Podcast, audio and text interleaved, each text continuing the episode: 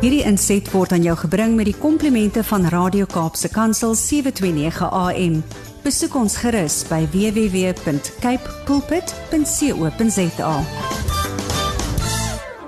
Look at the time. And Zanti's on the line. We're going to get her for an extra minute and a half. It's like Christmas on the second day of February. Let's not waste a moment more. It's an international speaker, and she's a founder of Babies Behind Bars Project. She's a motivational speaker, a businesswoman.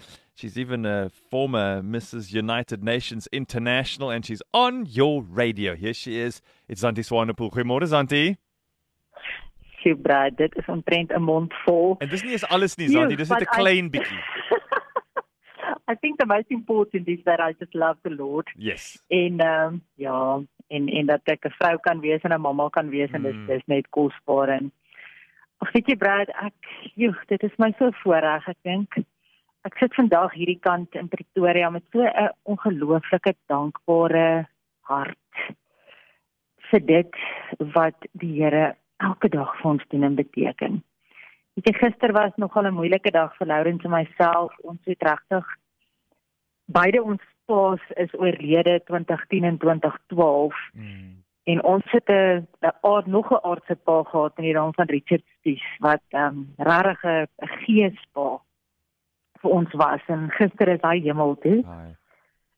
en dit was 'n ongelooflike hartseer dag Mm. en 'n dag vol blydskap. Dis daai bittersoet oomblikke nê nee, wanneer Ja. ons hierdie lewe verlaat om die ewige lewe in te gaan en dit het my net weer so in dankbaarheid en in awe is die Engelse woord in wonder laat staan oor God se goedheid in ons lewe en ons reddende krag wat hy deur genade vir my en jou kom gee het. En vanoggend wil ek jou herinner soos wat ek myself gister weer moes herinner het, so hartseer as wat dit was, die diepe dankbaarheid as iemand in Christus sterf. Mhm. Die vrede, die wete dat daai persoon net van hier af in Jesus se teenwoordigheid instap. En ek en jy vergeet soms. Ons leef so vinnig en die vyand hou ons so besig dat ons soms ontwonder vir wat die Here vir ons kom doen het verloor. En vanoggend wil ek dit vir jou terugbring soos ek dit vir myself gister net weer voor die Here se voete gaan sit het en sê so hartseer is wat ek is. So dankbaar is ek vir sy genade. Jy sien God is 100% regverdig en hy het 100% genade. He is he doesn't have grace, he is grace. Ek wil vir jou sê vir oggend die feit dat God just is beteken he had to give us what we deserve. But the fact that he had mercy means that he didn't want to give us what we deserve. But he gave us grace in Jesus. And that means he gave Jesus what we deserve so that we can live in his presence on earth and when we die. Ja. Dis my so mooi in Efesiërs 2 vers 8 en in Romeine 11 vers 6 waar daar geskryf staan ek lees uit uit Romeine 6 ag 11 vers 6 want die woord van die Here is ons kos elke dag. Het sê but if it is by grace his unmerited favor and graciousness it is no longer conditioned on works or anything that men have done. Otherwise grace would no longer be a gift and it would be meaningless. Mag ons vandag weer op ons knieë gaan en vir die Here sê dankie vir sy genade wat vir ons genoeg is. Dankie dat my so mooi Jesus het vir ons kom sterf sodat ons nie kry wat ons verdien nie. En grace beteken die Here het ons hemel toe gestuur. Dit wat ons nie verdien nie, het hy vir ons gebring. Ek wil vir jou vandag terugvat. Ek ek love dit om Hebreëus en Grieks van woorde te studeer en en bietjie Mm. dieper in te delf in 'n woord en die Griekse woord vir grace of genade is charis. Maar dit het ook 'n kulturele Griekse betekenis. Ag en ek wil dit net vanoggend met jou deel want dit was net vir my so so kosbaar weer. Maar die die cultural meaning of the Greek word charis is gift, but it's a gift given from a superior to an inferior. And there's always three persons ek wil hoor jy moet hoor wat ek vanoggend vir jou sê. Wanneer ons praat van benevolence, wanneer ek kindness wys aan iemand, dan is daar altyd twee mense. I'm kind towards somebody else. But if God talks about grace and he uses the word charis and he knows that the cultural meaning of this is three people, dan wil ek vanoggend vir jou kom verduidelik wat die Here vir jou gedoen het. Jy sien die drie mense wat wat die Griekse kultuur ons leer wanneer die woord charis gebruik word en hulle dit gebruik, het hulle gepraat van the patron, the client and the broker. And if there's an action between these three people, it means grace. It hmm. means grace. Now, the patron would be, for example, somebody that owns a shoe company, and the client would be somebody who needs shoes. But this is not grace. It is only grace when the third person comes into action, who is the broker. So the broker would have his own great wealth and riches, but he chooses to live between poor people.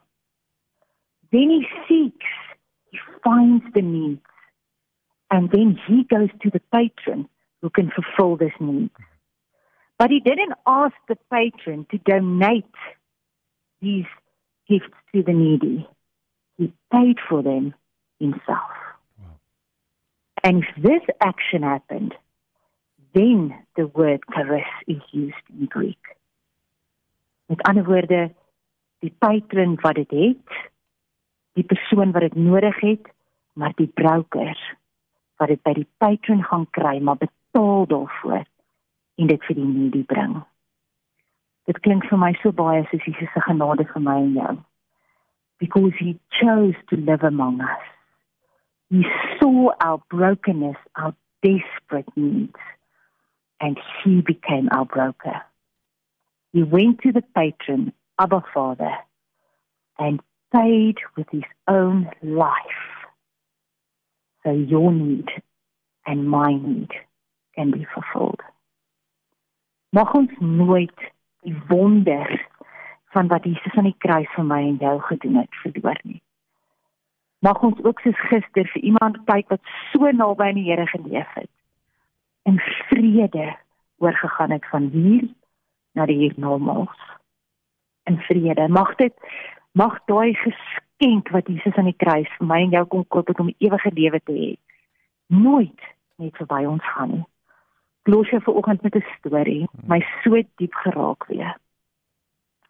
But after World War 1, the USA sent funds for orphans in Europe. There were thousands, ten thousands of children who lost both their parents. Kan jy dink wat 'n devastation wat dit wees? Klein kindertjies, ek wil hê luisteraar jy moet vandag aan jou kinders dink. Toe hulle klein was, hulle wat dalk nou nog klein is, 3, 4, 5 jarige kindertjies wat nie ouers het nie. Hulle praat van weeshuise wat wat 1300 kinders moes hou en uit hulle basse uit hulle nate uitgepas het. En dan word die ware verhaal vertel van 'n man.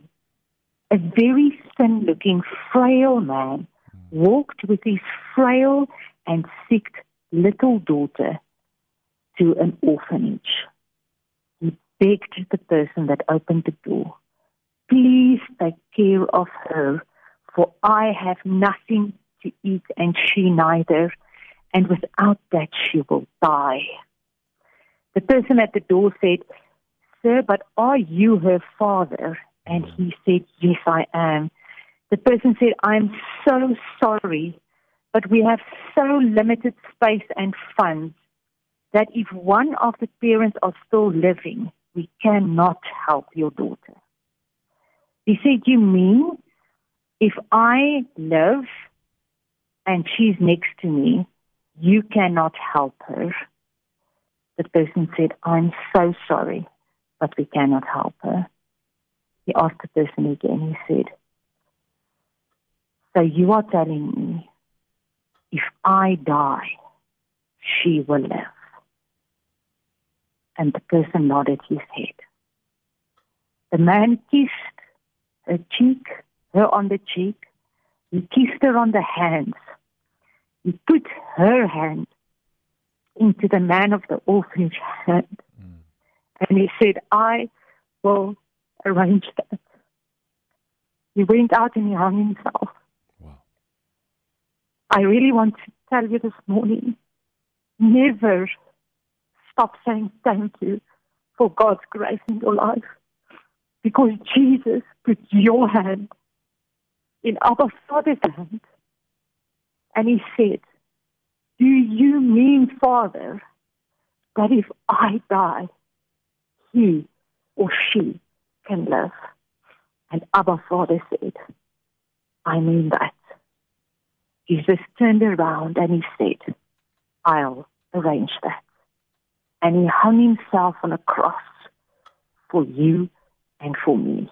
And he gave his life so that you too, like Richard yesterday, can die peacefully, knowing that his grace is sufficient for you.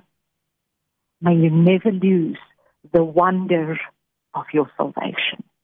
May you never stop thanking God and Jesus for the most amazing sacrifice when He put your hand in Abba's hand, gave His life so that you can live. Amen.